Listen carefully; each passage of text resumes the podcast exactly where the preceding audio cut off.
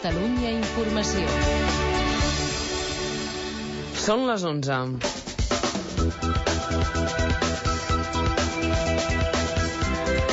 El seguiment d'un cotxe robat amb matrícules doblades ha estat clau per capturar Cherokee. Rodríguez Zapatero considera que la detenció del presumpte cap militar d'ETA és un cop determinant per l'organització terrorista. Iñaki de Juan ha quedat en llibertat sota fiança per decisió del jutge de Belfast. L'express a Tarra estarà sota vigilància policial mentre el jutge decideix si l'extradeix a Espanya pel delicte d'enaltiment del terrorisme. Els governs català i espanyol acorden crear una taula de treball amb representants de Nissan per tractar la situació de la multinacional. És un dels compromisos de la reunió entre els consellers i ministres de Treball i Indústria on han parlat del futur del sector.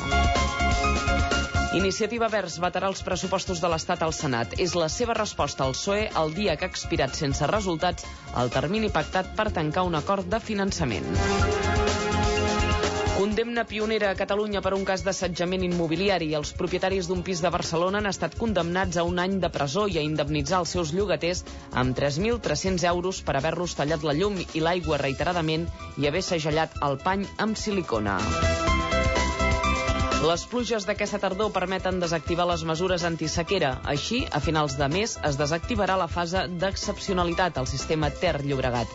Les restriccions només es mantindran a l'Alt Empordà i en una zona localitzada del Tarragonès. L'actriu Lluïsa Castell ha estat guardonada aquest dilluns amb el Premi Margarida Xirgu d'Interpretació 2007 pel seu treball a les obres a la Toscana i què va passar quan Nora va deixar el seu home les dues representades al Teatre Nacional de Catalunya. Pel que fa al temps, sense grans canvis aquesta nit i demà, es mantindrà el cel serè o poc ennuvolat de nou amb boires de matinada a punts de l'interior. El vent bufarà moderat als dos extrems del país i les temperatures variaran poc. Demà a la tarda nevarà a la Vall d'Aran per sobre dels 1.200 metres.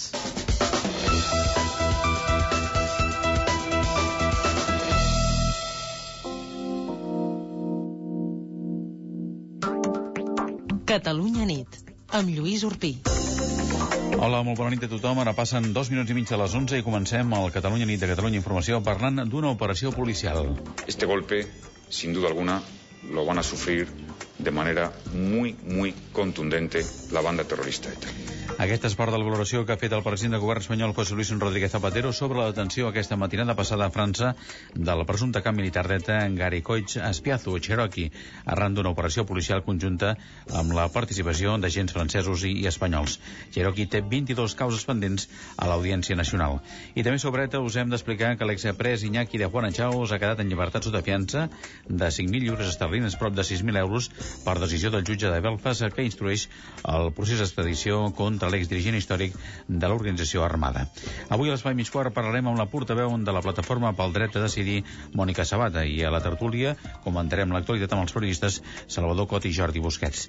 Abans de dos quarts de tots arribaran els esports amb Jordi Castanyeda. Jordi, bona nit. Hola, bona nit, Lluís. Què ens explicaràs avui? Començarem parlant del Madrid, que ha ratificat Bert Schuster com a entrenador, però que al mateix temps anuncia que fitxarà un o dos jugadors al mercat d'hivern, tot i que sap que aquesta operació de fitxatges en el mercat d'hivern acostuma a sortir ben cara. Uh, un altre equip que ha ratificat l'entrenador és l'Espanyol. Ahir perdia 3 a 4 a casa contra el Numancia. Tintín Márquez ha estat totalment ratificat. De fet, no s'ha plantejat la destitució, però hi ha un sector de la Junta Directiva que demana solucions si l'equip cau en zona de descens, una zona que està a 3 punts d'on és ara l'Espanyol. Uh, els metges de la Federació Espanyola de Futbol han determinat que Carles Puyol sí que està en condicions de jugar dimecres l'amistós entre Espanya i Xile. Recordem que el català es va retirar del partit entre el Barça i el Recre per unes molèsties al pubis. I, finalment, un apunt de Fórmula 1. Pedro Martínez de la Rosa provarà aquest dimarts un cotxe de l'equip Force India, un equip amb qui té moltes opcions de ser pilot oficial l'any que ve. Molt bé, gràcies, Jordi. Fins després. Fins després. I ja sabeu que ens podeu fer arribar els vostres correus a l'adreça del programa catalunyanit arroba catradio.cat. Caixa Penedès us amplia la informació i us acosta a l'actualitat. Les notícies més destacades a fons. Caixa Penedès. Persones al servei de persones. Ara passen 5 minuts eh, pràcticament de les 11. El govern espanyol, a través del seu president i el ministre d'Interior, s'han mostrat molt satisfets per l'atenció a França del considerat cap de l'aparell militar d'ETA, Gary Coix Espiazu, alias Cherokee. Era l'objectiu número 1 de la lluita antiterrorista i diuen que ha estat un cop determinant a la banda terrorista. El seguiment d'un cotxe robat amb matrícules doblades ha estat clau per detenir Cherokee. Ens ho explica des de Madrid Albert Calatrava. Albert, bona nit. Bona nit. Els equips conjunts de policia francesa i espanyola van detectar setmanes enrere un vehicle robat. Va cridar l'atenció perquè portava matrícules falses doblades de manera matossera, perquè era un model relativament nou, un Peugeot 207, i plaques molt antigues. El seguiment d'aquest cotxe, que feia servir habitualment Cherokee, ha estat la clau de l'operació. Alfredo Pérez Rubalcaba és el ministre de l'Interior. Las placas que los etarras colocaron al coche robado, sencillamente no es que fueran falsas, es que no podían existir. Eran placas que corresponden, por así decirlo, a otro tiempo. Y, y creo que esta información que acabo de darles da buena cuenta de la situación por la que atraviesa la banda terrorista ETA. Segons Rubalcaba, l'operació hi han participat els serveis d'intel·ligència espanyols i ha estat també molt important la interceptació de mails enviats per membres d'ETA des de cibercafès. La satisfacció del ministre de l'Interior la compartia també el president espanyol, Rodríguez Zapatero. S'ha capturat la terra més buscat, el cop és molt fort per la banda terrorista. No cabe ninguna duda que con la prudencia necesaria, porque la banda aún tiene capacidad de hacer daño, de hacer mucho daño, este golpe sin duda alguna, lo van a sufrir de manera muy, muy contundente la banda terrorista ETA. Tant Rubalcaba com Zapatero han felicitat la Guàrdia Civil i han destacat la importància de la cooperació policial amb França. Gràcies, Marit Albert Latrava. Tot apunta que demà mateix el presumpte cap militar d'ETA, Cherokee, juntament amb l'altra detinguda, Leire López Zurutuza, els traslladaran a París. Durant tot el dia, la policia ha escorcollat el domicili de Cherokee a la població francesa de Coterets, a prop de Lourdes. París, Maria Rovira, bona nit. Bona nit. Els dos detinguts han estat presents a l'escorcoll que han fet durant hores experts antiterroristes a l'apartament de Coterets i pròximament els traslladaran a París per declarar, després de passar, però, per les dependències policials de Bayona. Al sortir del pis del carrer Richelieu, aquesta petita localitat turística prop de Lourdes, Cherokee ha oposat resistència i tant ell com Leire López Urtuza han fet crits a favor d'ETA. La ministra de l'Interior, francesa, Michelle Alliot-Marie, es felicitava de la cooperació franco-espanyola en la lluita antiterrorista i destacava que Cherokee serà entregat a la justícia espanyola. Hi haurà primer un seguit d'operacions que es faran aquí a França per fer verificacions, però segurament seguint els nostres acords serà entregat a la justícia espanyola. Entre el material confiscat a l'apartament hi ha dues pistoles, ordinadors, documentació falsa, una perruca i 3.000 euros, una quantitat petita de diners per un dirigent d'ETA, segons fons pròximes a la investigació. L'apartament on els han detingut de matinada quan dormien el van llogar per una setmana dijous passat, fent-se passar per turistes. D'altra banda, també s'ha declarat presó provisional aquest dilluns pels dos presumptes aterres, Ugaits Astiz i Miquel Olza, detinguts dimecres passat a Tarascon-sur Ariège, a prop de la frontera franco-andorrana. Gràcies, Maria Rovira. I el govern va a celebrar la detenció de Cherokee. Des de Jorieneas insisteix que el terrorisme d'ETA ja no té sentit. Connectem amb el nostre delegat a Bilbao, Dani Gómez. Bona nit. Hola, bona nit. L'executiu de Vitoria no sols felicita les forces de seguretat de l'Estat, també expressa el seu suport total a l'operació d'aquesta matinada contra el considerat màxim responsable militar d'ETA. La portaveu del govern basc, Miren Azcárate, parla de bona notícia. Poner a disposición de la justicia gente que ha cometido asesinatos, todo apunta que tiene la intención de seguir en ese camino, que se ha dedicado a extorsionar, a poner bombas, a amenazar, a crear inseguridad y miedo en la sociedad, indudablemente es una buena noticia. Es también un buen momento para que ETA reflexione seriamente y decida de una vez por todas dejarnos en paz y disolverse. El PNB també se n'alegra, però alhora el diputat Josué Ercoreca demana prudència. En anteriores ocasiones hemos visto también descabezar a la banda terrorista y sin embargo vemos que pasan los años y ha tenido hasta el momento presente por lo menos cierta capacidad de reproducción. Esperamos que esto no suceda en el futuro, pero eh, quisiera hacer un llamamiento a la prudencia y pedir que no se echen campanas al vuelo. En qualsevol cas, Ercoreca Ortega està convençut que la detenció de Cherokee ajudarà a reduir la pressió d'ETA sobre la societat basca. Gràcies, en Dani. Mentrestant, l'express d'ETA Iñaki de Juan Chaos ha quedat en llibertat sota fiança de 5.000 lliures esterlines, prop de 6.000 euros per decisió del jutge de Belfast, que avui la citat a declarar.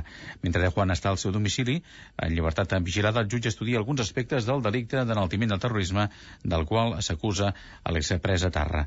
Anem a Londres amb Núria Coromines. Núria, quan vulguis, endavant.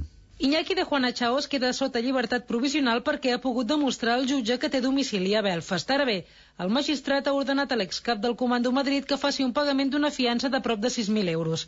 A més, li ha dit que no pot sortir del seu domicili entre les 8 del vespre i les 7 del matí i que no pot abandonar Irlanda del Nord. Una altra condició és que de Juana Chaos ha de presentar-se a una comissaria cada dia. Mentrestant, el magistrat estudiarà l'ordre de recerca i captura feta per les autoritats espanyoles. De moment, el jutge ha demanat s'aclareixi l'aspecte relatiu a la doble tipificació que esgrimeix l'Audiència Nacional per sol·licitar l'extradició directa de Juana a Espanya.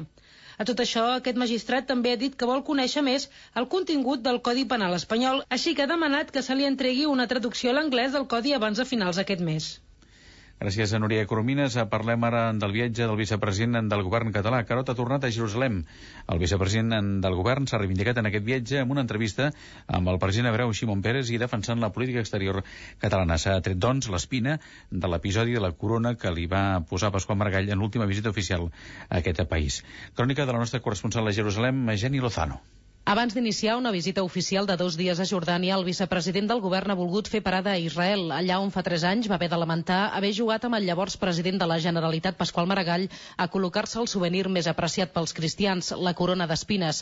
Aquí Carot Rovira ha fet aquest matí una ofrena floral al Museu de l'Holocaust i després ha mantingut reunions amb el president de la República, Ximón Pérez, i el viceministre d'Afers Estrangers. L'objectiu, seguir avançant en la cooperació entre els dos països en matèria de noves tecnologies de la informació i gestió de l'aigua sectors en què l'estat jueu és capdavanter. Però sobretot la visita de Carot Rovira serveix per fer palesa la legitimitat de la política exterior del govern català defensar la legitimitat de l'acció exterior duta a terme pel govern de Catalunya l'encaix en el marc de la legalitat vigent, és a dir, l'Estatut d'Autonomia nou permet que Catalunya pugui dur a terme una determinada acció exterior i bona prova d'això doncs, eh, demostra no només la legitimitat sinó doncs, l'efectivitat d'aquesta reunió d'avui amb, tota, amb tota normalitat. Carot Rovira també ha confessat la seva admiració per la tenacitat del poble jueu en la conservació de la seva identitat i la consecució d'un estat propi. El vicepresident del govern viatja aquesta nit a Jordània, on demà es reunirà amb el ministre d'Afers Estrangers d'aquest país i participarà en la reunió anual de països donants de l'Agència de l'ONU d'Ajuda als Refugiats. Gràcies, Geni. I ara una qüestió de la política exterior espanyola. Carme Chacón admet que la missió dels soldats espanyols a l'Afganistan comporta ara més riscos i reivindica un canvi d'estratègia. La titular de defensa ha comparegut avui al Congrés dies després de l'atemptat suïcida que va costar la vida a dos soldats espanyols. Ho ha recollit a Madrid Txell Feixes. Txell, bona nit. Hola, bona nit. Carme Chacón reconeix que s'ha produït un empitjorament de la seguretat del país, amb errors també militars dels Estats Units, que es viu una situació de violència terrorista generalitzada, però reitera que la missió és d'imposició de pau. Per tant, subratlla no ha canviat la seva cobertura legal ni naturalesa, només les circumstàncies amb més risc i inseguretat. I davant d'aquest retrocés aposta per revisar l'estratègia actual sense confirmar si incrementaran o no el contingent espanyol. Lo importante, lo imprescindible, no es cuántos efectivos se precisan, sino qué hacen y cómo desarrollan su misión en Afganistán. Lo primero es rectificar el rumbo, definir una nueva línea estratégica de acción. Això passa a concretar la ministra de Defensa per una major coordinació de l'ONU sobre les operacions militars, traspàs més àgil de transferències en seguretat del poble afganès, evitar baixes civils i cooperació entre països veïns. Tots els grups, també el PP, han donat suport a la política de l'executiu central, excepte Esquerra Unida, que l'ha criticat amb duresa. Gràcies, Txell. Per remar del finançament, avui ha expirat el termini a tres mesos que van pactar Maria Teresa Fernández de la Vega i Joan Saura per tancar un acord de finançament. La resposta del líder ecosocialista no s'ha fet esperar. Ha anunciat un veto als pressupostos generals generals de l'Estat al Senat. Eva Godàs, bona nit. Bona nit. Joan Saura considera que el nou incompliment del PSOE no es pot passar per alt. Plantejarem el veto en el Senat, cosa que no hem fet mai i que farem excepcionalment, atès l'incompliment de l'acord amb el govern central, un incompliment greu que en definitiva posa de manifest la manca de voluntat política i la manca de model de finançament que avui té el govern central en relació a l'Estatut d'Autonomia i en relació al model d'Estat. Des del PSC, Miquel Iceta ha volgut subratllar que l'acord incomplert era entre partits i que ara hi ha un altre termini vigent entre governs i, per tant, més important. En posterioritat a aquest termini, el president de la Generalitat i el president del govern d'Espanya van acordar que tindríem l'acord abans d'acabar l'any i esperem que sigui així. Esquerra Republicana no és partidària del veto als comptes perquè diu que el PSOE l'aixecarà després al Congrés. Els republicans també apunten que totes les esmenes que s'hagin negociat al Senat quedaran desactivades si prospera el bloqueig. Per això han anunciat que dimecres negociaran amb el PSOE un paquet d'esmenes. De moment, doncs, els comptes hauran d'afrontar el veto d'iniciativa d'Esquerra Unida i Alternativa i els de CiU i el PP. Parlem ara precisament de Convergència i Unió. Unió Democràtica no ha de donar explicacions al soci de Convergència sobre la trobada que van tenir divendres amb el PSC, amb qui van acordar una reflexió comuna entre tots els partits catalans si el Constitucional retalla l'Estatut. Així de clar s'ha mostrat el número 2 del partit, Josep Maria Pellegrí, que ha assegurat que no han tingut cap contacte amb Convergència per analitzar el contingut de la trobada amb el PSC. Nosaltres, Unió Democràtica, no tenim l'obligació de trucar a Convergència Democràtica cada vegada que fem una reunió. I Unió Democràtica és un partit que té la seva personalitat pròpia i, per tant, que ha de poder parlar amb qui vulgui. I tampoc no ha de donar compte de les reunions d'Unió Democràtica. Convergència Democràtica deu tenir les seves reunions amb altres partits. I no dona a Unió Democràtica. D'aquesta manera, Pellegrí ha respost al secretari general de Convergència, Artur Mas, que aquest cap de setmana advertia que no permetrà que davant d'una rebaixa de l'Estatut si ho hagi de supeditar-se al PSC, un supòsit que el comitè de govern d'Unió d'avui s'ha afanyat a desmentir. Pel que fa a la direcció d'Unió, Josep Antoni Duran i Lleida manté pràcticament el mateix equip abans del Congrés del mes passat. Duran seguirà al capdavant del comitè de govern, però Josep Maria Pellegrí, el secretari general, assumirà el gruix de les tasques dins del partit. Per sota hi haurà sis vicesecretaries generals que dependran, com fins ara, de Joana Ortega, Toni Castellà, Manel Silva, Marta Llorenç, Carlo Galucci i Jordi Casas. Tots ells, juntament amb Josep Sánchez Llibre, formaran part de la permanent de la direcció o, el que és el mateix, una breu representació del comitè de govern. I l'alcalde del municipi de Llucmajor, Lluc Tomàs, ha condemnat avui per l'Audiència a les Balears, ha anunciat la seva dimissió i ha demanat la baixa del partit. L'alcalde l'han condemnat a 3 anys de presó i 8 d'inhabilitació per malversació de fons públics. El PP ha informat que Tomàs ha demanat la baixa temporal per no perjudicar el partit. La Junta Local dels Populars ha afegit en un comunicat que dona tot el seu suport a l'alcalde de Llucmajor i reitera la convicció en la seva innocència davant, diu textualment, una sentència tan sorprenent i desproporcionada. Assistència mèdica en centres mèdics concertats. Assegurança de la llar amb cobertura d'incendi, robatori i altres desperfectes. Assegurança de l'automòbil amb excel·lents condicions de cobertura, preu i servei. El grup assegurador de Caixa Penedès treballa dia a dia per oferir-li les millors assegurances amb el millor servei. Vingui a demanar informació a les nostres oficines. Caixa Penedès. Persones al servei de persones.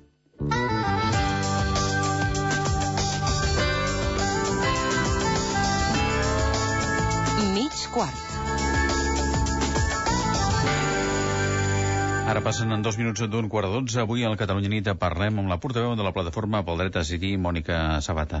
Senyora Sabata, bona nit i gràcies per atendre'ns. Hola, bon, molt bona nit. Com veu les negociacions sobre el nou model de finançament?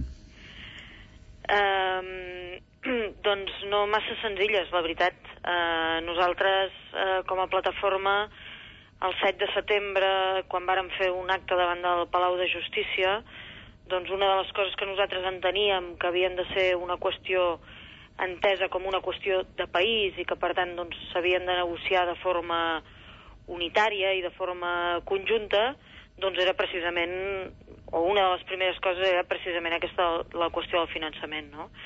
I el que hem anat veient amb els mesos, doncs, eh, en primer lloc, doncs, és un evident endarreriment que termini rere termini, doncs, eh, sembla que eh, tot, tots els astres siguin desfavorables perquè realment els terminis es, es compleixin i d'altra banda doncs estem veient que aquesta unitat que des de molts espais, tant des de la societat civil, com és el cas de la Plataforma pel Dret de Decidir, com des dels mateixos eh, partits polítics, doncs s'havia dit que havia de ser una qüestió unitària, doncs a la pràctica tampoc s'està complint, no? I això d'entrada entenem que no és beneficiós eh, pel país i, i, de sortida doncs, el que estem veient és que mm, això està causant doncs, una colla de dificultats que afegides doncs, a la crisi financera i econòmica que, que el món sense està vivint doncs, tampoc, tampoc no hi ajuda gens.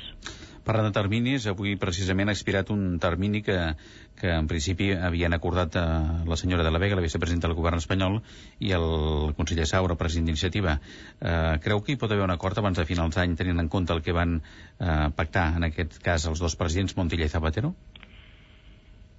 Miri, jo no sé, no m'atreviria a dir si hi haurà un acord o no abans de final d'any. El que sí sabem és que el 19 de desembre no s'han d'aprovar uns pressupostos i per tant aquí veurem també els partits catalans com responen o com no responen a, a, a, a l'aprovació dels, dels pressupostos al Congrés.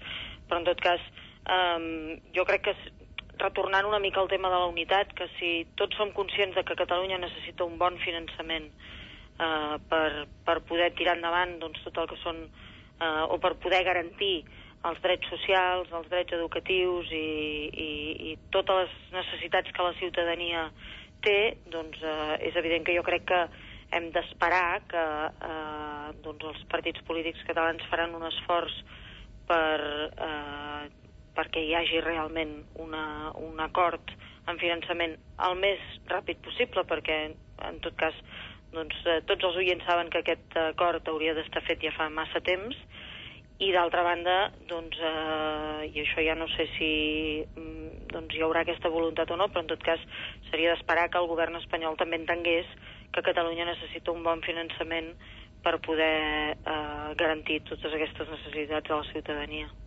Vostè és pessimista o optimista sobre el, si pot haver un bon acord en, en finançament per Catalunya? Miri, jo crec que el topall que, o el, el nivell que l'Estatut eh, posava, malgrat la plataforma doncs, va dir que no a aquest Estatut, eh, doncs eh, serà molt difícil que es compleixi. No? Nosaltres apostàvem pel concert econòmic i aquí ja no s'hi arribava eh, d'entrada i per tant doncs, eh, eh, jo crec que serà difícil que tinguem un, mantenir, un, un finançament que realment garanteixi poder eh, doncs, eh, satisfer totes les necessitats que Catalunya té en aquests moments. Eh, això implicaria anar molt més enllà que segurament amb l'estatut que tenim no, no s'hi anirà, no? I, i d'altra banda, això a mi el que com a plataforma ens fa patir una mica eh, són tots aquests endarreriments eh, i totes aquestes negociacions que sembla que al final doncs, com a poble hàgim d'estar demanant almoina eh, a Madrid i en tot cas doncs, eh, tot el que estem demanant doncs, és una qüestió que, que, que, que és molt legítima no? i que per tant doncs, no veiem per què ha de ser tan complicat eh, doncs, poder finalment tenir un acord sobre el finançament. Mm -hmm. Parlant de l'Estatut, com veu les filtracions que hi ha hagut sobre les deliberacions eh, que hi ha al Tribunal Constitucional sobre l'Estatut i arran precisament dels recursos, el tema de relacions bilaterals, el deure de conèixer el català, els recursos per a Catalunya precisament? arran de les primeres, potser les primeres que van sortir, no? les primeres filtracions que deien doncs, això que vostè deia, no? el tema de la llengua i per tant el dret i el deure de conèixer eh, el català, el tema de la bilateralitat, el tema del finançament, nosaltres vàrem fer una valoració doncs, que ja pensàvem que segurament si realment totes aquestes qüestions es tocaven, estaven tocant amb qüestions com molt capdals per les quals s'havia iniciat aquesta eh, reforma de l'Estatut, no? I per tant, si eh, realment aquestes prediccions que la premsa va fer en el seu moment es compleixen, doncs eh, nosaltres estem convençuts que hi ha d'haver una resposta clara, unitària i contundent per part de la societat civil catalana i per part dels partits polítics catalans i esperem en tot cas eh, que així sigui, no? El gran problema segurament que tenim tots en aquests moments és que eh, no sabem quan aquesta sentència es produirà i per tant eh, tots una mica estem començant a treballar amb les diferents hipòtesis però es fa un xic complicat poder concretar aquestes hipòtesis eh, sense saber eh, doncs quan es produirà aquesta sentència o quan no es produirà, o si serà a final d'any o si serà, si serà a la primavera. Sí, algunes informacions periodístiques últimament parlen de, de primers de l'any que ve, més que no pas de, de finals d'aquest any. Per on passaria aquesta resposta clara que vostè diu? Miri, per nosaltres, i això és una mica novetat que els hi avancem al seu programa, eh? però per nosaltres eh, segurament passaria per, per alguns diguem-ne, estadis diferents o per algunes qüestions que es poguessin, que es poguessin anar eh, doncs, consensuant amb diferent gent, però probablement doncs, d'entrada passaria per una mobilització popular, eh, una mobilització popular que nosaltres doncs, treballaríem perquè fos el màxim d'unitària possible i el màxim de plural possible, com ja hem fet amb les altres dues mobilitzacions de la plataforma pel dret de decidir, però eh, no voldríem quedar-nos només en una mobilització que faci sortir la gent al carrer, que faci mostrar doncs, mm, l'empipada que potser doncs, pugui generar aquesta sentència, sinó que la plataforma vol fer un pas més enllà i vol eh, fer una proposta que realment insti els partits polítics, insti fins i tot a les institucions a donar una resposta davant d'aquesta sentència, perquè entenem que aquesta sentència eh, doncs el que serà eh, o el que implicarà és una manca o, o serà una sentència profundament antidemocràtica, perquè, com li deia abans, malgrat nosaltres vàrem dir que no a l'Estatut, entenem que el referèndum que hi va haver a Catalunya és una decisió del poble de Catalunya i el poble de Catalunya va dir sí a aquest estatut i en tot cas el que passarà ara és que 12 senyors, només 12, faran una sentència en contra d'una decisió d'un poble i per tant creiem que això cal posar-ho sobre la taula, cal dir-ho ben clar i per tant nosaltres el que farem és fer una proposta de que realment hi hagi un posicionament per part de les institucions, per part dels partits polítics, que a la curta o a la llarga puguin convocar una consulta popular. Una consulta popular que hauríem de veure en quin moment s'ha de fer i quan es pot fer, perquè en tot cas necessitem que primer hi hagi una llei de consultes aprovada al Parlament de Catalunya i haurem de veure què és el que pregunta aquesta consulta popular, però en tot cas nosaltres estem treballant ja amb aquesta hipòtesi eh, sobre la taula i l'estem començant a comentar amb doncs, les principals organitzacions del país, amb qui estem mantenint reunions durant aquests dies i també amb els, eh, amb els partits polítics que hem començat doncs, fa un parell de setmanes les reunions i ja en tenim d'altres de programades per les properes setmanes. Uh -huh. Aquesta seria la principal, eh, en aquest cas, principal objectiu que, que vostès es marquen, que es que hi hagués aquesta retallada important per part del Tribunal Constitucional pel que fa a l'Estatut, no?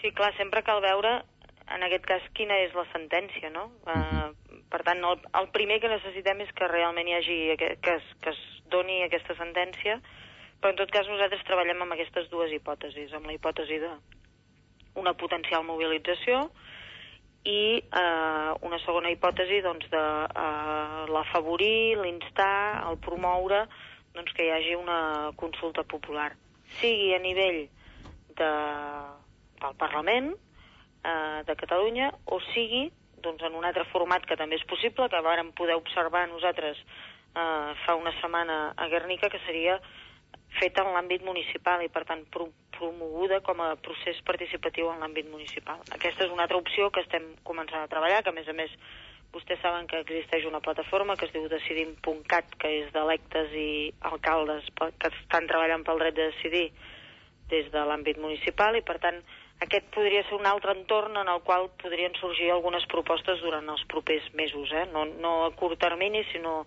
a un termini una mica més llarg. Molt bé, doncs uh, moltes gràcies eh, per atendre'ns. Mònica Sabati, que vegi molt bé. Bona nit. Moltes gràcies a vostès. Adéu.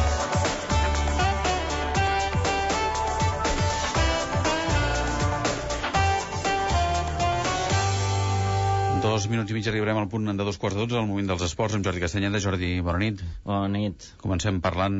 Del Madrid. Del Madrid, de la crisi de, moment, a la Casa Blanca. Eh? De moment, de moment, manté Schuster com a entrenador. Ho ha explicat aquesta tarda el director tècnic madridista Petja Mijatovic, que ha reconegut, però, que els caldrà fitxar al desembre. Nosotros estamos ahora manejando muchísimas posibilidades, Hay dificultades, eso hay que decirlo siempre, hay dificultades, pero la ilusión no la hemos perdido ni mucho menos. Nosotros vamos a hacer todo lo posible para contratar uno o dos jugadores que podrían ayudarnos para conseguir nuestros objetivos. Al costat d'aquesta ratificació de Schuster, però, Mijatovic ni es vol imaginar què passaria si el pròxim cap de setmana el Madrid perd al Bernabéu contra el Recreativo de Huelva. Yo no quiero pensar ahora, de verdad, teniendo esta situación, no quiero pensar qué va a pasar si nosotros no ganemos el próximo partido aquí delante de nuestra, nuestra afición. Porque no es mi forma de ser ni tengo este modo de pensar. Y si tengo que pensar en un momento determinado, seguramente no lo voy a decir delante de vosotros. Porque en las situaciones laborales, en la vida laboral, siempre hay situaciones donde tienes que tomar algunas decisiones, pero siempre y cuando se produzcan. I mentrestant el Barça gaudeix del seu lideratge. Els resultats d'aquesta jornada l'han deixat a 3 punts del Villarreal i a 5 del València i el Madrid. El Barça aquesta setmana, però, estaran molt pendents dels partits de seleccions. Puyol i Xavi estan convocats amb la selecció espanyola. I malgrat que Puyol es va retirar del partit d'aquest diumenge amb molèsties al pubis, els metges de la Federació Espanyola no l'han dispensat pas de l'amistós contra Xile. Un altre blaugrana, Torella ja va rebre un cop al cap també contra el Recre i no viatjarà amb la Costa d'Ivori per jugar contra Israel. Busquets, Enri, Márquez, Cáceres, Gleb Dani Alves i Eto'o sí que participaran amb les seves seleccions.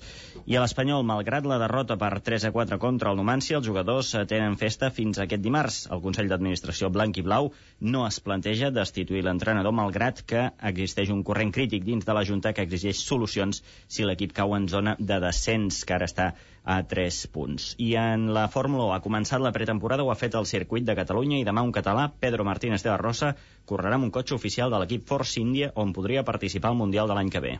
A mi m'agradaria córrer. Sí, al final la gent ha d'entendre que jo sóc pilot, no? Jo sóc pilot de proves perquè sempre he dit el mateix, és la, és la manera més ràpida, més, és l'única manera a la meva edat de poder tornar a córrer. Per tant, per això doncs, eh, tot el que sigui, tot el que m'apropi a córrer, doncs fantàstic. És molt aviat per pensar en res més que un, un test, no? I a la Lliga ACB de bàsquet aquest dimecres hi haurà el duel Riga-Barça, Rico Manresa. El capital blaugrana, Roger Grimau, espera un Manresa perillós.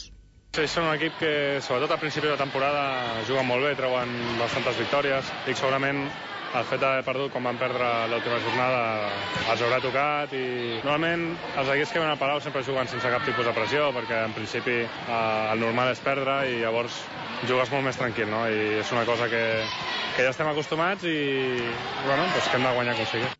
En tennis, la temporada s'ha acabat amb Nadal com a número 1, seguit del suís Roger Federer, i al tercer lloc l'ha ocupat el serbi Djokovic, que aquest diumenge guanyava el Masters de Xangai, el quart és Murray i el cinquè Davidenko. I una última previsió de cara a aquest dimarts. El porter del Noia Freixenet, Luis Gil, estem parlant d'hoquei patint, serà jutjat aquest dimarts a Vic per la denúncia d'agressió a l'àrbitre durant el Vic Noia del passat 11 de novembre. Molt bé, gràcies, Jordi. Bona nit i fins després. Bona nit.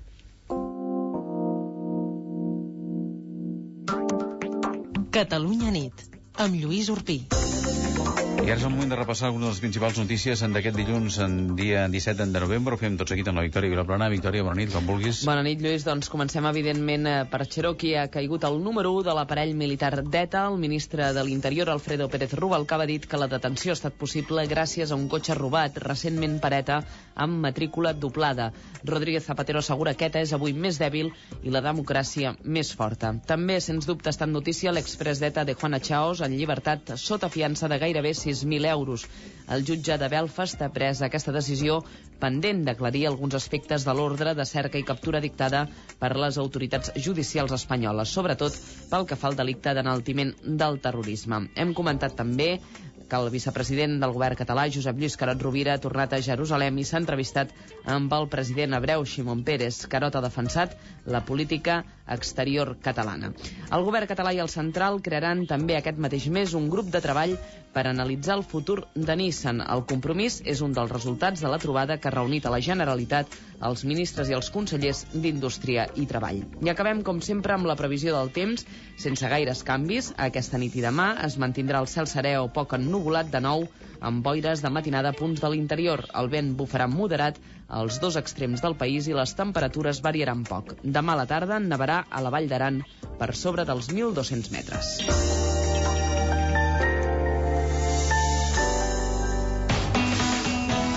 Bona nit. El número premiat del cupó diari celebrat avui és el... 69.309 69309 Demà, com cada dia, hi haurà un venedor molt a prop teu que reparteix il·lusió. Bona nit i recorda que amb el sorteig de l'11 la il·lusió es compleix. Catalunya nit. L'anàlisi de la política i els seus protagonistes a Catalunya Informació. Ara passen 4 minuts de dos quarts de 12. Ja sabeu que ens podeu fer arribar els vostres correus a l'adreça del programa catalunyanit arroba catradio.cat. Avui a la tertúlia ens acompanya Salvador Cot. Salvador, bona nit. Bona nit. I d'aquí uns instants s'afegirà des de Madrid a Cipri Gras. Bé, d'entrada, eh, vol comentar alguna cosa del que ha dit eh, la senyora Sabata ara fa uns instants a l'entrevista? Sí, home, eh, jo, jo crec que la plataforma del dret a decidir és conscient de que el que ha passat les dues vegades anteriorment doncs ha estat molt positiu des del punt de vista de la mobilització popular, efectivament el capitalisme ai, el, catalanisme té una que... Vostè estava pensant en la crisi econòmica sí, és que el catalanisme també se l'ha de reformar. El catalanisme doncs eh, ha demostrat una capacitat de mobilització extraordinària aparentment és l'única força o l'única idea política que és capaç doncs, de treure la gent al carrer d'una forma massiva en aquests moments però eh, la gran paradoxa és que eh, l'instant posterior a aquestes dues manifestacions massives eh, ha estat d'impotència política, és a dir, aquestes manifestacions, per alguna raó, doncs no provoquen cap mena d'efecte polític posterior. Així com a Madrid, doncs, eh, 100, 200, 300.000 persones al carrer, tant si són, diguéssim, pròximes a una òrbita com a l'altra, provoquen una gran distorsió política i, i això ha passat, eh, diguéssim, tant és que sigui la, les víctimes del terrorisme per un cantó com el xapapote per l'altre, el cas és que eh, provoquen una distorsió política molt important i una influència política molt important. Eh, aquestes mateixes persones al carrer, en comptes de Madrid a Barcelona, i sortint per una motivació de tipus això, polític eh, nacional, no generen cap, eh, cap mena de distorsió política, això és així. I jo crec que se n'han adonat i que s'ha de fer alguna cosa més després de les, de les manifestacions. No n'hi no ha prou omplint el centre de Barcelona de gent, sinó que a més a més cal fer una acció política posterior. El que ja és més dubtós és que amb un referèndum eh, diguéssim amb poques eh, amb poca capacitat de, amb poca legitimació jurídica doncs que això sigui suficient com per generar algun efecte no? Uh -huh. Saludem Cípric, Cípric, bona nit nit. Eh, vostè també veu de la mateixa manera que les mobilitzacions populars a Barcelona després no, no es traslladen a l'àmbit polític i en canvi a Madrid sí que quan hi ha una mobilització important té ressò i distorsiona eh, en aquest cas tot l'ambient polític, podríem dir? Sí, jo crec que hi ha un problema amb la classe política catalana eh, que la, els efectes de la ciutadania afecten molt menys a Catalunya que, que a Madrid. No? Amb això estic d'acord amb el que estava dient el Salvador. El, el problema és que a Madrid, mm, recordem, històricament ja tenim molts, eh, o sigui, molts fets puntuals que han passat, molts fets històrics que han passat. Recordem la guerra d'Iraq. Realment això va provocar un trasbals amb el govern de José María Aznar, Uh, hi ha hagut altres, altres ocasions, uh, el que ha passat, el que parlava del Xapapot i el que ha parlat d'altres ocasions, i a Catalunya no sé ben bé per què, és a dir, hi ha mobilitzacions a milers de persones, potser no tan multitudinàries com a Madrid, és veritat que Madrid és el centre de vegades de les mobilitzacions de l'Estat i coses com la guerra de l'Iraq ajunten centenars de milers de persones, però uh, queden com més desapercebudes, és a dir, mig milió de persones a Madrid tenen una repercussió molt més important a l'Estat que mig milió de persones a Catalunya, però a més a més eh, ja amb efectes catalans. Aleshores jo crec que aquí hi ha un problema polític de polítics catalans que no saben realment canalitzar aquesta força. És a dir, Catalunya té una força de gent que surt al carrer, Uh, si tornem al tema de l'Iraq, recordem que va haver-hi gairebé un milió de persones a Barcelona, que, que, que va ser dels centres del món més importants, però uh, no, no sabem canalitzar ben bé aquesta força, i això crec que realment és més un problema polític que una altra cosa, de no saber canalitzar aquesta força que realment sí té la ciutadania a Barcelona. Mm -hmm. Creuen que si hi ha una mobilització popular, ara és una hipòtesi, eh? si el Tribunal Constitucional retalla o tomba l'Estatut de Catalunya i els de la plataforma i altres institucions o altres organitzacions mm, plantegen aquesta mobilització popular i és també massiva, en aquest cas sí que suposo que eh, hi pot haver incidència en, en els partits polítics, no? Home, eh, eh, això jo crec que és la prova de foc. És a dir, a Catalunya que eh, han passat moltes coses en els últims anys i sempre estem una mica amb, el, amb la reivindicació de, de, de moltíssimes coses, jo crec que l'Estatut serà la prova de foc. És a dir, si l'Estatut surt malament hi ha una reivindicació forta a Catalunya, o passa alguna cosa o ja deixem de reivindicar. És a dir, eh, ara estem en un moment molt important, en un moment d'aquest de l'Estatut. Si, si, si no surt bé, crec que serà dels pocs moments en la història de catalana de la democràcia on realment ajuntarà tothom, i on realment tothom, començant pel, pel PSC, Esquerra Republicana, Convergència, fins i tot jo crec que part del Partit Popular farà unes reivindicacions serioses i anirem tots a una. Si aquí anem tots a una i no passa res, aleshores és que ja deixem-ho, no gairebé. Segur. No, és que sempre té molta raó. no, eh, eh, aviam, perquè s'entengui, això no és una, no és, no és una qüestió, diguéssim, normal, no? Això de, eh, el que s'ha fet eh, amb, el, amb el darrer estatut és, una, és un final de trajecte. Eh? És a dir, el catalanisme, des de mitjans del segle XIX, més o menys sempre ha cregut el catalanisme majoritari en la via gradualista, no? És a dir, que es pot parlar en Madrid i que en determinades conjuntures polítiques doncs, es pot avançar en l'autogovern.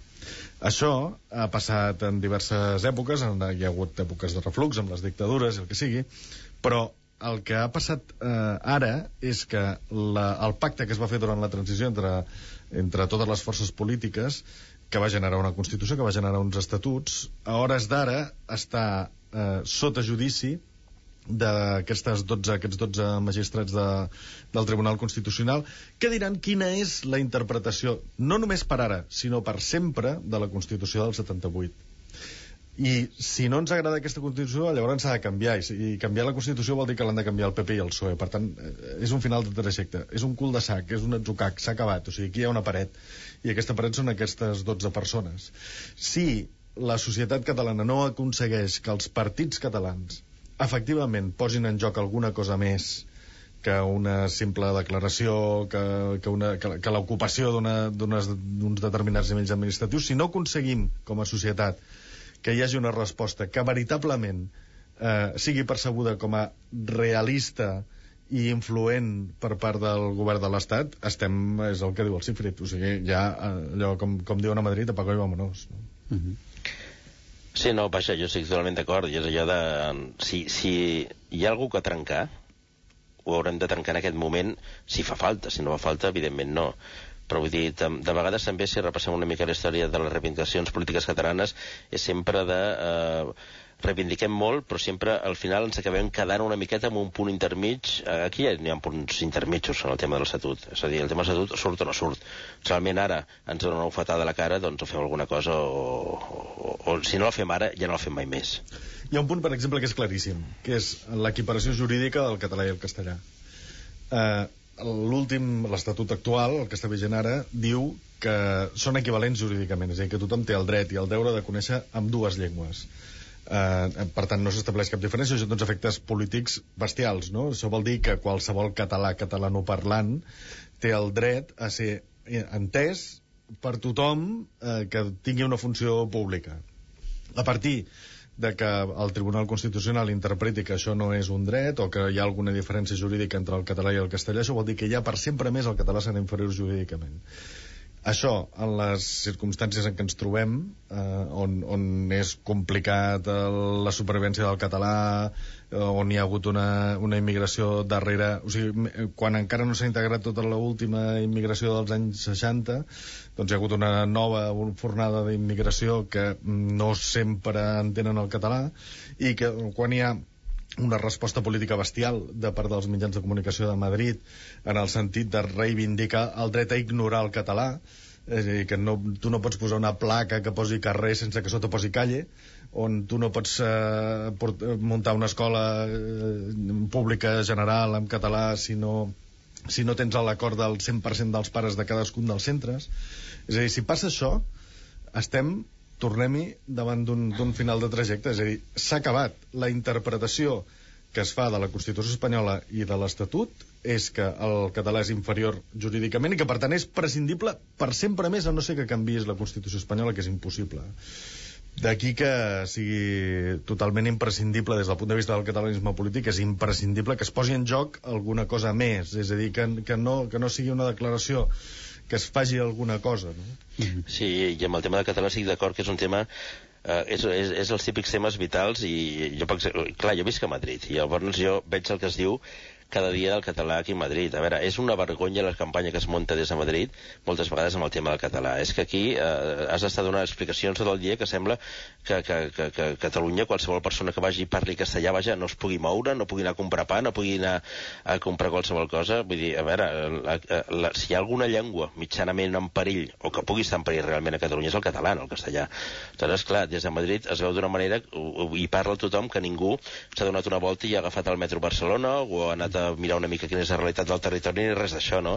Aleshores hi ha una campanya tan gran contra el català que si perdem això del català, si perdem realment el dret identitari del català, es, es, estem perduts, perquè realment és, és un tema important, però hi ha una campanya mediàtica tan important a Espanya que l'única manera de contrastar jo crec que és fent un front comú a Catalunya i, i demostrant el que és la realitat, no? i que la realitat és que el català és la nostra llengua, però és que a més a més és la nostra llengua sense excloure res. És a dir, que, no, no, que a Catalunya ningú va en contra del castellà, ni en contra de la cultura castellana, ni en contra de l'espanyol, ni en contra de res, sinó senzillament que parlem el català perquè és la nostra llengua i que això jo crec que és una cosa que hem de defensar tots a una. Mm -hmm. el, el català, a grans trets, i això ho sabem els catalans, però no necessàriament ho sap la societat civil madrilenya o és igual, la ciutat real, no? Però el català només ha aconseguit una certa normalitat, una certa normalització en dos àmbits. Un és l'àmbit públic, és a dir, la, els senyals del carrer, eh, les, eh, això, les indicacions, eh, una, Rètols. els rètols, els, els mitjans, eh, alguns mitjans de comunicació, uh -huh. concretament els públics, Mm, en aquest, en aquest sentit s'ha aconseguit una certa normalització i en un altre, que és l'escola, efectivament també s'ha aconseguit una certa normalització. És a dir, tots els nens, en principi, acaben sent eh, competents en la llengua catalana. No? Són aquests dos. I, I justament aquests dos àmbits són els dos que ataquen eh, permanentment totes aquestes campanyes. No? És a dir, mm, el, el, el, és, és curiós perquè la, un, la defensa ferrissada que es fa, per exemple, dels funcionaris que puguin venir a Catalunya i tinguin tot el dret del món a ignorar el castellà, ells, els seus fills, les seves famílies, tothom, és una campanya a favor dels drets de funcionaris, que és l'única campanya que es recorda en favor dels funcionaris, eh? no, no se'n recorda cap altra, perquè no són, no són un col·lectiu especialment apreciat, no? Però, en canvi, el dret... Si, el Mundo fes una campanya perquè els hi pugessin els als funcionaris, no tindria cap èxit, no? No tindria ressò. Però, en canvi, si, el, el fet de que tinguin dret a ignorar totalment el català quan vinguin a Catalunya, eh, no importa el temps que s'hi estiguin, això en canvi és aplaudit i, i de fet eh, les, eh, les campanyes que s'organitzen des, de la, des de la premsa de Madrid jo crec que són, eh, són, són perfectament pensades però que mm, generen un efecte que el Cifit que viu allà des de fa molts anys ho sap perfectament, no? És a dir, la gent s'ho acaba creient. Segurament els que ho escriuen no, perquè són conscients de, de què és el que hi ha, però sí que la gent que, que escolta al matí doncs es lleva doncs, amb les tertúlies de... Però no és només la COPE, eh? no la COPE, però no és només la COPE. És a dir, no, no hi ha un missatge alternatiu, no existeix aquest missatge alternatiu, no?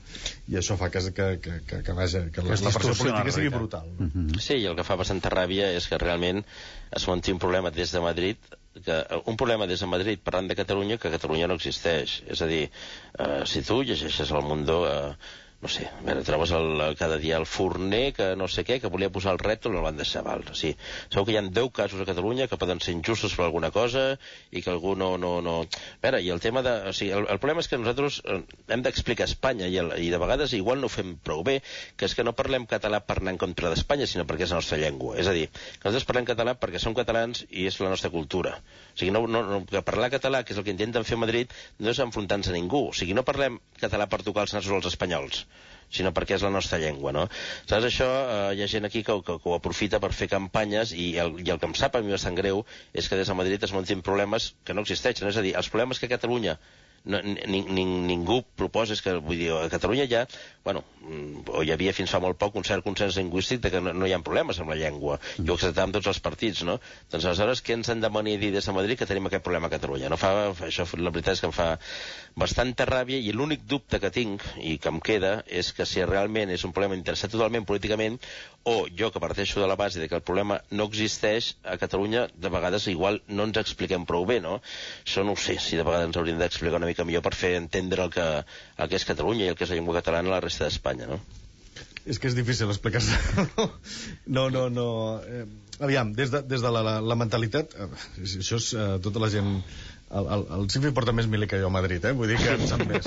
Però, um, aviam, qualsevol persona de, això, Ciutat Real, no?, viu la seva espanyolitat d'una forma positiva, com és normal, no? Tot el, tot, en principi, per regla general, doncs tothom està satisfet de, de la seva nacionalitat, de la seva cultura, de la seva llengua. Mm, el que li diuen tots aquests mitjans és que a llocs com Catalunya aquesta, la seva, la seva forma de ser, diguéssim, la seva forma d'estar al món, doncs és perseguida, no? I allò, normalment eh, s'utilitzen exemples molt extrems, allò que si els nazis, que si no sé què. Uh -huh. Uh, aquesta gent, naturalment, desenvolupen una solidaritat mm, primària, innata, respecte a tots aquests exemples que els hi mm, plantifica el Mundo, la COPE o el que sigui, de dir, home, és que a mi em persegueixen pel fet de ser espanyol. Davant d'això, és inútil que tu diguis que, per exemple, que no existeixen monolingües catalans perquè és impossible viure en català les 24 hores del dia durant un any. És impossible, ni un any ni una setmana. És impossible, no? Eh, ja només demanar un número per telèfon. És que és igual, ens hi trobem tots cada dia, no? O anar a un quiosc, o, o és igual, o comprar un cotxe i tramitar l'assegurança o el que sigui. Tot això és impossible. Aquí, les, eh, les, mm, les senyores que tenen 95 anys són bilingües i saben castellà perquè l'han hagut d'aprendre perquè l'han hagut de fer servir. Uh -huh. I, en canvi, hi ha centenars de milers de persones que no parlen català, que porten aquí, fins i tot hi han nascut, o porten aquí 50-60 anys, i no han hagut mai, no s'han vist mai en la necessitat de dir bon dia al matí, perquè no els hi ha calgut. Doncs una cosa tan òbvia com aquesta, allà és, és, és impensable, no? És això que diu el Cifrit, no? De que, de que pensen que parlem una mena de, de cosa estranya perquè, perquè, per, per molestar-los amb ells o per perseguir-los o, perquè, o perquè estem bojos. No? Mm -hmm. Ja, aquí, aquí a Madrid a mi em fa bastanta gràcia perquè tothom, vaja, la major part de la gent algun cop ha anat a Catalunya o de, dels, dels companys, no? I sempre trobes el company que ha entrat a Catalunya, ha entrat en un forn i li han parlat en català, no?, per comprar el pa. Però és com si, és que m'hablen en català, ja, ja, però és que no parlen en català per molestar-te. És a dir, és, estem sempre amb els tòpics, això de, de, de d'això, de, de, que parlen en català als llocs, i dius, bueno, és que parlen en català perquè és la nostra llengua, no? I hi ha una cosa que, que, que costa bastant d'explicar, que, que, que és quan diuen allò de a veure, si tu ets professor i ets català, pots venir a ensenyar a Madrid. No? Però si ets professor madrileny i vols a Catalunya, no perquè no ets català. Però jo estic discriminat. I per això vaig al tema de fons, que dius, sí, sí, no, no és que estiguis discriminat, és que la nostra llengua és el català. És a dir, no et discriminem ni, a ningú. Però tu no pots pretendre venir a la nostra terra, a la nostra llengua, a no ensenyar amb la nostra llengua. No? I és complicat, eh? És un equilibri complicat que jo crec, bueno, portem allà, tu saps els anys que portem amb aquests temes, no? I em sembla que encara estarem molts anys més allò sense que se'ns acabi d'entendre i, i, i realment és que no sé, no sé què hem de fer perquè se'ns entengui. Eh, encara que es faci o es pugui fer molta pedagogia, el cert és que quan hi ha campanyes des de mitjans de comunicació importants... Sí, sí, això... això, això, no, això... Sí, les campanyes aquestes són bastant de, de lamentables, eh? Perquè mm. les campanyes aquestes de uh, intentó llevar a su hijo un año tal i tal. És que és això de, de bastant de riure, clar. O sigui, si jo em poso a Madrid, també, no sé, hi ha coses que a Catalunya a vegades oblidem, però, per exemple, el que ha fet l'Esperanza Aguirre amb l'escola catalana és com d'acudit, ha estat una demagogia terrible, no? Jo he intentat muntar una escola catalana simplement per, per o sigui, l'escola mai la va intentar muntar. Vull dir, va fer una preinscripció sense informar en un centre, en un lloc al centre de Madrid on la gent eh, és un lloc d'oficines on la gent li, li costa molt portar els nens, només per dir que, veus, jo monto una escola catalana i a Catalunya es pot parlar castellà. Clar, llavors lluitar contra aquesta demagogia de vegades és, és, és difícil, no? Mm -hmm. A mi em fa molta gràcia sempre el botiguer català aquest, que, que deu ser el mateix, que, de, que deu tenir una botiga que hi van tots els madrilenys, no, que és un botiguer que es nega a vendre'ls en, en castellà i tal, no? Allò que dius, home, un botiguer... No, castellà, vaja, en xinès, no? Ben el sí. que sigui. La qüestió és vendre, no? I, I després hi ha una altra cosa que és eh, que es perden, no? Allò es perden perquè, eh, perquè Avinguda no ho entenen, no? Sí. Allò, i, I aquest mateix aquest mateix eh, senyor, no? Allò que segurament és un llicenciat universitari i una persona molt progre, doncs eh, acte seguit explica les seves vacances a Hongria, no? Mm -hmm. I dius, hòstia, i com has tornat, no? com es diu Avinguda Moncarès? I no, en, aquest, en aquest cas no ha tingut cap mena de problema, no? Només s'ha perdut quan, quan posava Avinguda. Clar, l'explicació que et donen és que, bueno, però és que nosaltres estem a Espanya quan estem a Catalunya. Uh mhm. -huh. És a dir, tu els dius, no, no, però, eh, clar, o sigui, hi ha molta gent que els hi posa sortida en lloc de salida i ja, bueno, s'ofenen, no? Doncs clar, la, l'explicació és que tu Londres és un altre país, però clar, tu a Catalunya estàs a Espanya, bueno, no has de per què entendre què vol dir sortida. Bueno, jo crec que al final és un problema cultural de, de, de comprensió, no? de, que, de que ens entenem i que i això, ni que ells se sentin ofesos perquè ho fem, saps? I, i que entenguin que, doncs això, que no va contra Espanya, sinó que que els pares són catalans, els avis són catalans, que hi havia una cultura catalana, que Catalunya té una història de centenars d'anys i, que, i que, que, que no van contra ningú. Estic per dir que ni tan sols entenen gaire el de Portugal, eh? Perquè se'n van, se'n van a Portugal parlant castellà i s'ofenen si no els entenen. Sí, és, és que jo crec, jo, jo crec que el que els hi fa, jo crec que els hi fa molta ràbia que Portugal sigui un país, em sembla, Espanya. perquè està dins del península Sí, ibèrica. sí, sí, no, no, no entenen mai perquè Portugal va aconseguir ser un país independent, no? Molt bé, estem fent tertúlia amb Cifri Gras i Salvador Cot. Arriba la Victòria Vilaplana, que imagino que hi haurà un tema, no aquest, suposo que estem No, ara no, no, comentant, no. un Hi ha- altre que és a totes les portades, que és la detenció de Cherokee, Hi ha no? un nom propi, és evident avui. Hi ha un nom propi que és el de Cherokee. Eh, comencem, si us sembla, pel diari El Periódico. Per cert, que hi ha alguns eh, diaris que fins i tot mm, no es copien, òbviament, perquè això cadascú titula com vol, però diguéssim que s'assemblen molt. El periòdico titula Cau la tarra que va trencar la treva, Obama confirma els seus compromisos, pla per a retirar les tropes d'Iraq, tancament de la presó de Guantánamo i fi de les tortures, i les borses obvien els acords de la cimera de Washington i tornen a caure. El diari La Vanguardia, la caiguda de Cherokee deixa ETA encara més dividida, el segon banc dels Estats Units eliminarà 50.000 llocs de treball, el decret de sequera s'aixecarà en un mes. El diari Avui, Saura revenja amb un veto als pressupostos, cau Cherokee, el dirigent d'ETA més dur i cap de l'aparell militar, i la borsa no es creu el G20. El diari El País, ETA perd el seu cap més sanguinari, Citigroup suprimeix 50.000 llocs de treball després d'haver-ne eliminat 23.000 i a les planes de Catalunya la Generalitat i el Govern Central busquen un pacte per salvar Nissan. El diari El Punt, a la seva edició de Barcelona, primera pena de presó per assetjament immobiliari. La Generalitat aixecarà al final de mes les restriccions d'aigua per la sequera i els veïns de les Corts rebutgen que una futura parada de metro es digui Camp Nou. Segur que portarà polèmica, també. Sí. El diari Público diu cau l'ETA que va trencar la treva el tancament del Balcón de Rosales arriba tard, és el local on, recordem-ho, dissabte un jove va ser assassinat i que ja acumulava, atenció, 47 denúncies. Aquest titular eh, també es repeteix, per exemple, als diaris La Razón i a l'ABC. Per exemple, La Razón diu el jutge dicta presó sense fiança pels tres porters acusats de matar un jove i l'Ajuntament tanca la discoteca El Balcón de Rosales i, per exemple, l'ABC diu que l'última denúncia contra el Balcón de Rosales va tardar un mes en tramitar-se.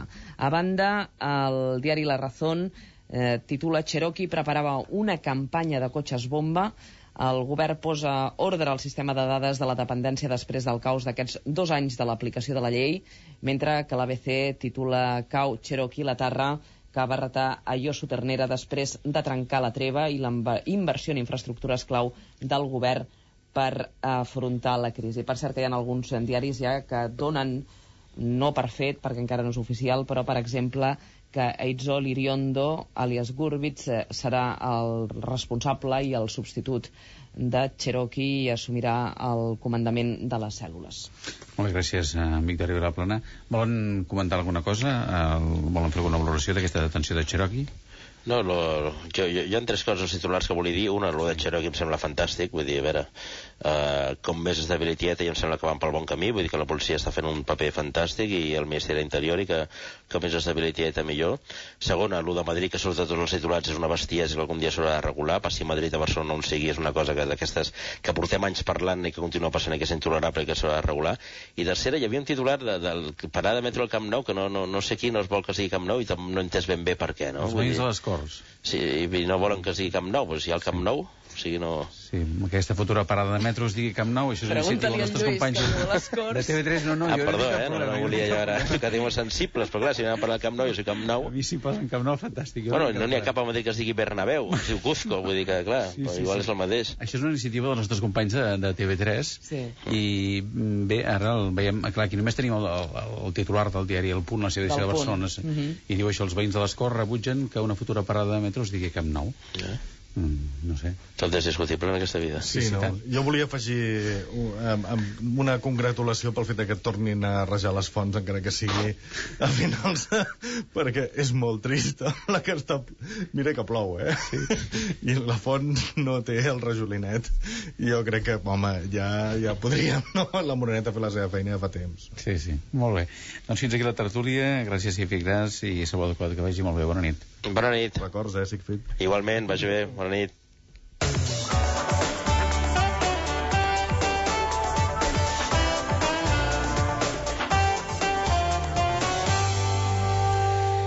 I ara els esports, en Jordi Castanyeda. Jordi, bona nit. Alguns titulars i reflexió? Bona nit. Doncs el primer titular que ens ha generat la informació esportiva d'aquest vespre és que el Madrid ratifica Bernd Schuster com a entrenador, però accepta que haurà de fitxar un o dos jugadors al mercat d'hivern si aquest any vol guanyar algun eh, títol a l'Espanyol.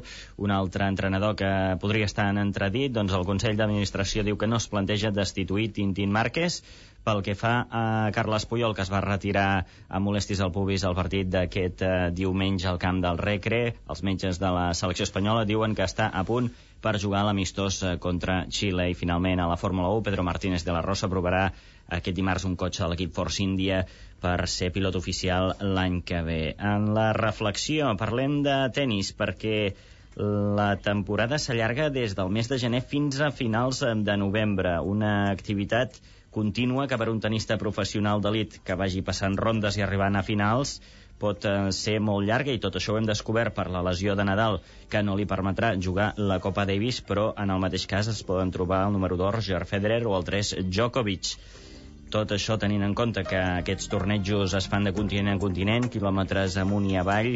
Aquest any ha estat Nadal, però en altres temporades el suís Federer també havia renunciat a jugar amb Suïssa a les primeres eliminatòries de la Davis. Una reflexió pel calendari del tennis. Molt bé, gràcies Jordi, i fins demà, bona nit. Bona nit. I demà parlem amb el portaveu d'iniciativa al Congrés, Joan Herrera. Fins demà, bona nit i molta sort.